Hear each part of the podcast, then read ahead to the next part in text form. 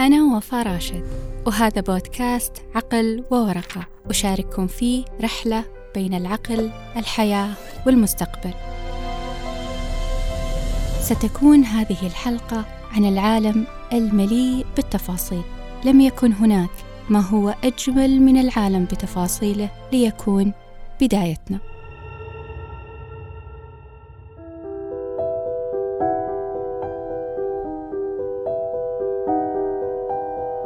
قد تكون في عملك. شاركت واستمعت للعديد من النقاشات. قد تكون في سيارتك. مررت بالعديد من المباني. أحدها زجاجي والآخر كلاسيكي الطراز والثالث ذو طوابق عديدة. قد تكون في مطعمك المفضل ورائحة الطعام المشوي تملأ الأرجاء. قد تكون تقرأ كتاب ألهمك. تنتقل الصفحة تلو الأخرى بحماس لا ينطب. قد تشارك عائلتك جلسة حميمية في حديقة منزلك. وقد تتابع حلقة لمسلسلك المفضل مبهورا بتفاصيله.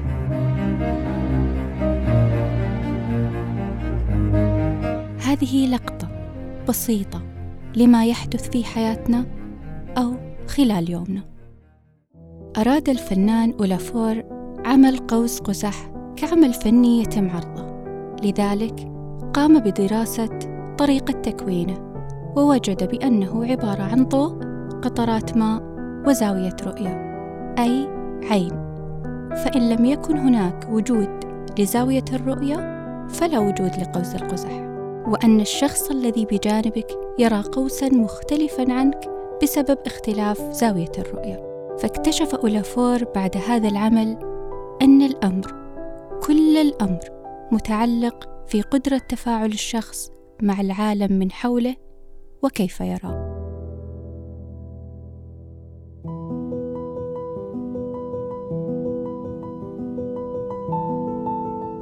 نمر بالعديد من الأحداث ونواجه الكثير من التفاصيل خلال يومنا. قد ندرك بعضها كموقف مع صديق مناقشة مع مديرك أو ممارستك لهوايتك. وقد لا نلقي بالا لبعضها الآخر كعبورنا بجانب لعبة وجبة أو كلمة. كل يوم نحن نعبر بجانب فكرة نتقاطع مع إلهام وأحيانا قد نعانق فرصة أو ربما لا ندرك ذلك. رغم أن بنس وانجر المتخصص في علم النفس الوجودي يقول بأن إدراكنا للأشياء من حولنا يكون تبعا للمعنى وليس انطباعا عن الطعم النغمة الرائحة أو الملمس ولا حتى الشيء المادي إلا أن علينا قراءة هذه التفاصيل وتفاصيل أخرى الكون مليء بها. المفارقة هي أن تكون واعيا منتبها وقادرا على قراءة التفاصيل قراءة الإلهام المخبأ في شكل لعبة. رائحة وجبة. وصخب مدينة. أن تكون قادرا على قراءة ما وراء الشيء وما يستتر خلف الحالة والشعور المخبأ خلف كلمة نظرة أو حتى صرخة. أن تكون قادرا على قراءة الرسائل الكونية والصور الغير مرتبة التي يحاول عقلك وضعها أمام عينك.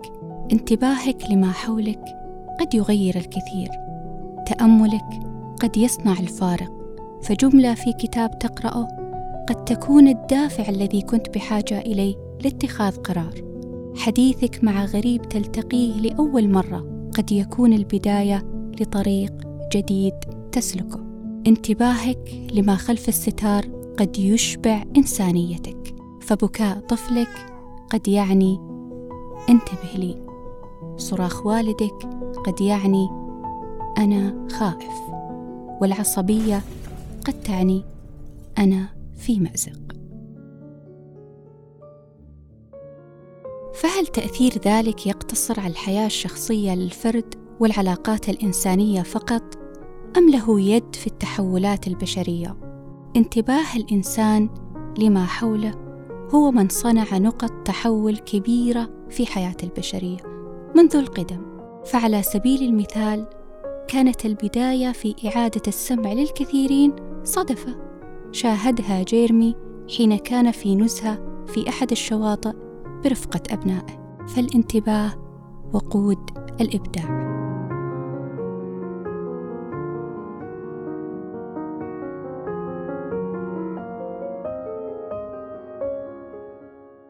تأمل معي التنقلات التي عاشتها وعاصرتها البشرية. عاش البشر فيما يسمى بالعصر الحجري، ونحن الآن على أعتاب عصر يسمى عصر الذكاء الاصطناعي. كانت وسيلة الإضاءة النار، ثم الشمعة، ثم المصباح بتفرعاته العديدة. كان التواصل عن طريق مرسول ينقل رسالة لأميال وربما لأيام. ثم الحمام الزاجل ثم البريد ثم الهاتف ثم الإنترنت. انتقلنا من كوننا كائن يسكن الكهوف إلى كائن وصل الفضاء والتقط مؤخرا صورة لثقب أسود. في المقابل لو تأملت أو قارنت غابه أو مستعمرة حيوانية قبل آلاف السنين. بحالها اليوم فلن تجد تغييرا يذكر. سوى العوامل الطبيعية حولها ولكنها تمارس الروتين نفسه. أحد أسباب ذلك أن أدمغة الحيوانات تكون فيها منطقة المدخلات بجانب منطقة المخرجات وهناك مسار مباشر بينهما. فمثلا حين يرى حيوان معين طعام فهذه مدخلات تقود مباشرة للمنطقة المجاورة وهي منطقة المخرجات برد فعلي فوري وهو تناول الطعام. أما بالنسبة للبشر فمنطقة المدخلات بعيدة عن منطقة المخرجات فرؤية شيء ما لا يؤدي بالضرورة إلى رد فعل فوري وتحتمل العملية تفرعات كثيرة جدا. فرؤيتنا للطعام قد تقودنا لما هو أبعد من مجرد تناوله فقد نراه فن يمكننا صنع أشكال مختلفة منه وقد نصنع منه روائح مختلفة أيضا. فيمكن لما يدخل إلى عقولنا أن يتفاعل ويرتبط مع ما هو موجود أصلا أو ما تم إدخاله مسبقا فتقوم عقولنا بصناعة روابط ومسارات جديدة تجعلنا نفكر ونصنع العديد من الاحتمالات. هذه المسارات بين الشبكات العصبية هي أساس الإبداع.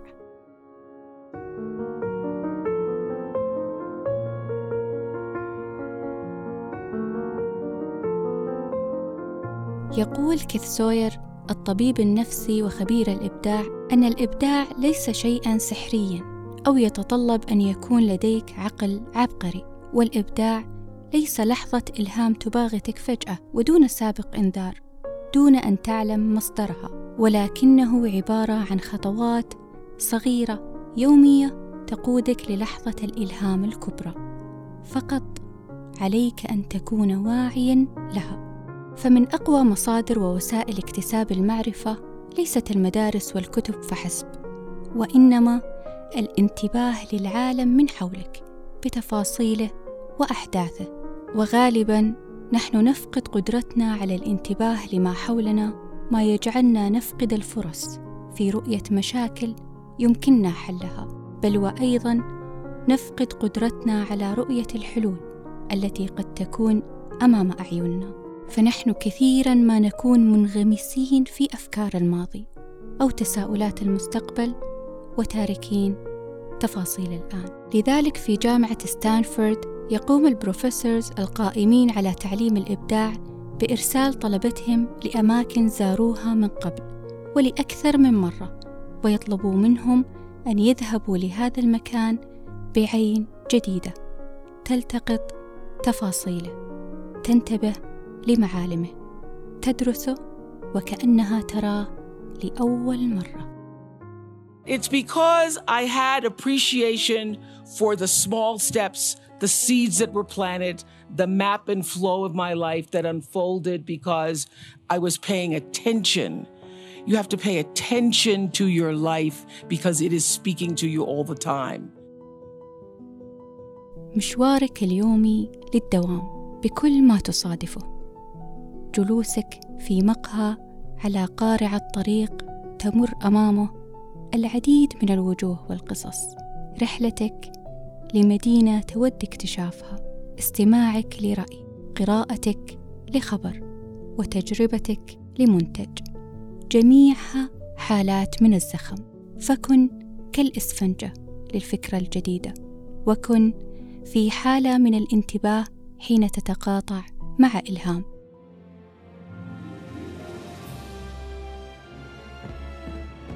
فالذي صنع الفارق في قصص ديزني الشهيرة وفقا لما رواه مدير تطوير العمليات فيها هو ذلك الدفتر الصغير الذي كان يحمله معه أينما سافر ليدون فيه كل فكرة مهما كانت صغيرة.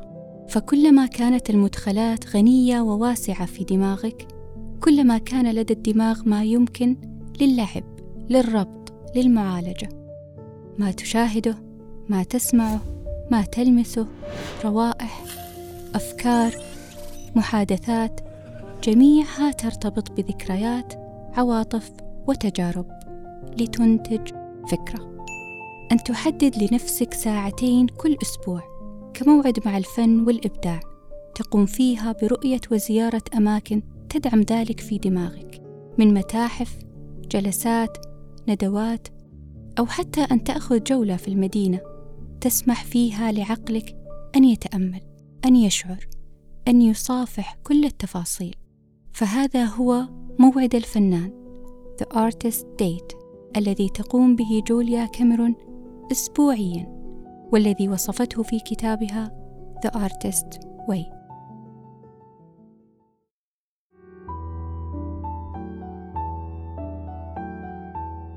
الإبداع ليس مجرد غاية أو وسيلة. الإبداع خصلة فطرية وجدت بعقولنا واستغلالها أحد أسباب وجودنا وخلافتنا على هذه الأرض.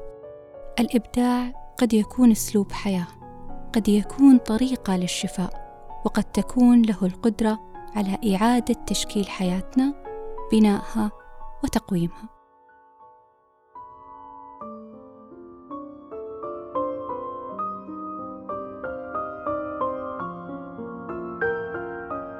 قام الكاتب زاكري لازار بتقديم برنامج لتعليم الكتابة الإبداعية في أحد السجون بولاية أريزونا بأمريكا حيث كان أغلب المدانين من المدمنين.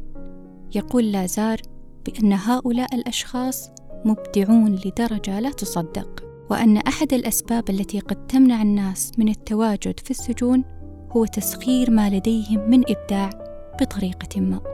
وفي الجانب الغربي أيضا في أحد سجون ولاية كاليفورنيا قام الممثل تيم روبنز بطل الفيلم الرائع The Shawshank Redemption I guess it comes down to a simple choice, really. Get busy living or get busy dying. والذي يؤدي في دور السجين بعمل ورش عمل لتعليم التمثيل للسجناء ذهل روبنز أيضا بالقدرة الإبداعية لدى السجناء وقال أي شخص يشارك في العملية الإبداعية أيا كان مجاله سيخبرك أنه يشعر بطبيعته يشعر بوجوده. فالجزء الإبداعي في شخصيتك ضروري لسعادتك وأن المشاعر الفارغة لديك أو الاكتئاب الذي تمر به ربما له علاقة بعدم وجود الإبداع في حياتك. عملية دفع إبداع المساجين جعلت 80% منهم أقل عرضة ليرتكبوا جريمة أخرى أو أن يعودوا للإدمان. فشعور الشخص بإتقانه لعمل معين بجودة صناعته بتأثير كلمته بإلهام غيره بصناعة فارق. قد يعيد له الحياة أو قد يكون أحد الأسباب. ليحيا فلا تنظر للإبداع كرحلة عليك خوضها. فهذا يعني أن هناك نهاية لهذه الرحلة ووجهة تود الوصول إليها وربما التوقف عندها وتنتهي الرحلة. ولكن اجعله طريقة حياة كفضول تعيش به كالعبة كقطع بازل تجمعها. كمتعة استمتع ولا تنشغل بالنتيجة.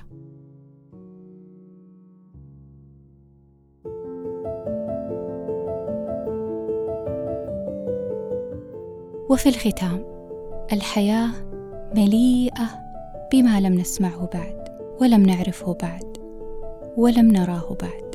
تنتظر منا أن نكون على قدم اللهفة والتعطش وفي أتم الاستعداد للدهشة.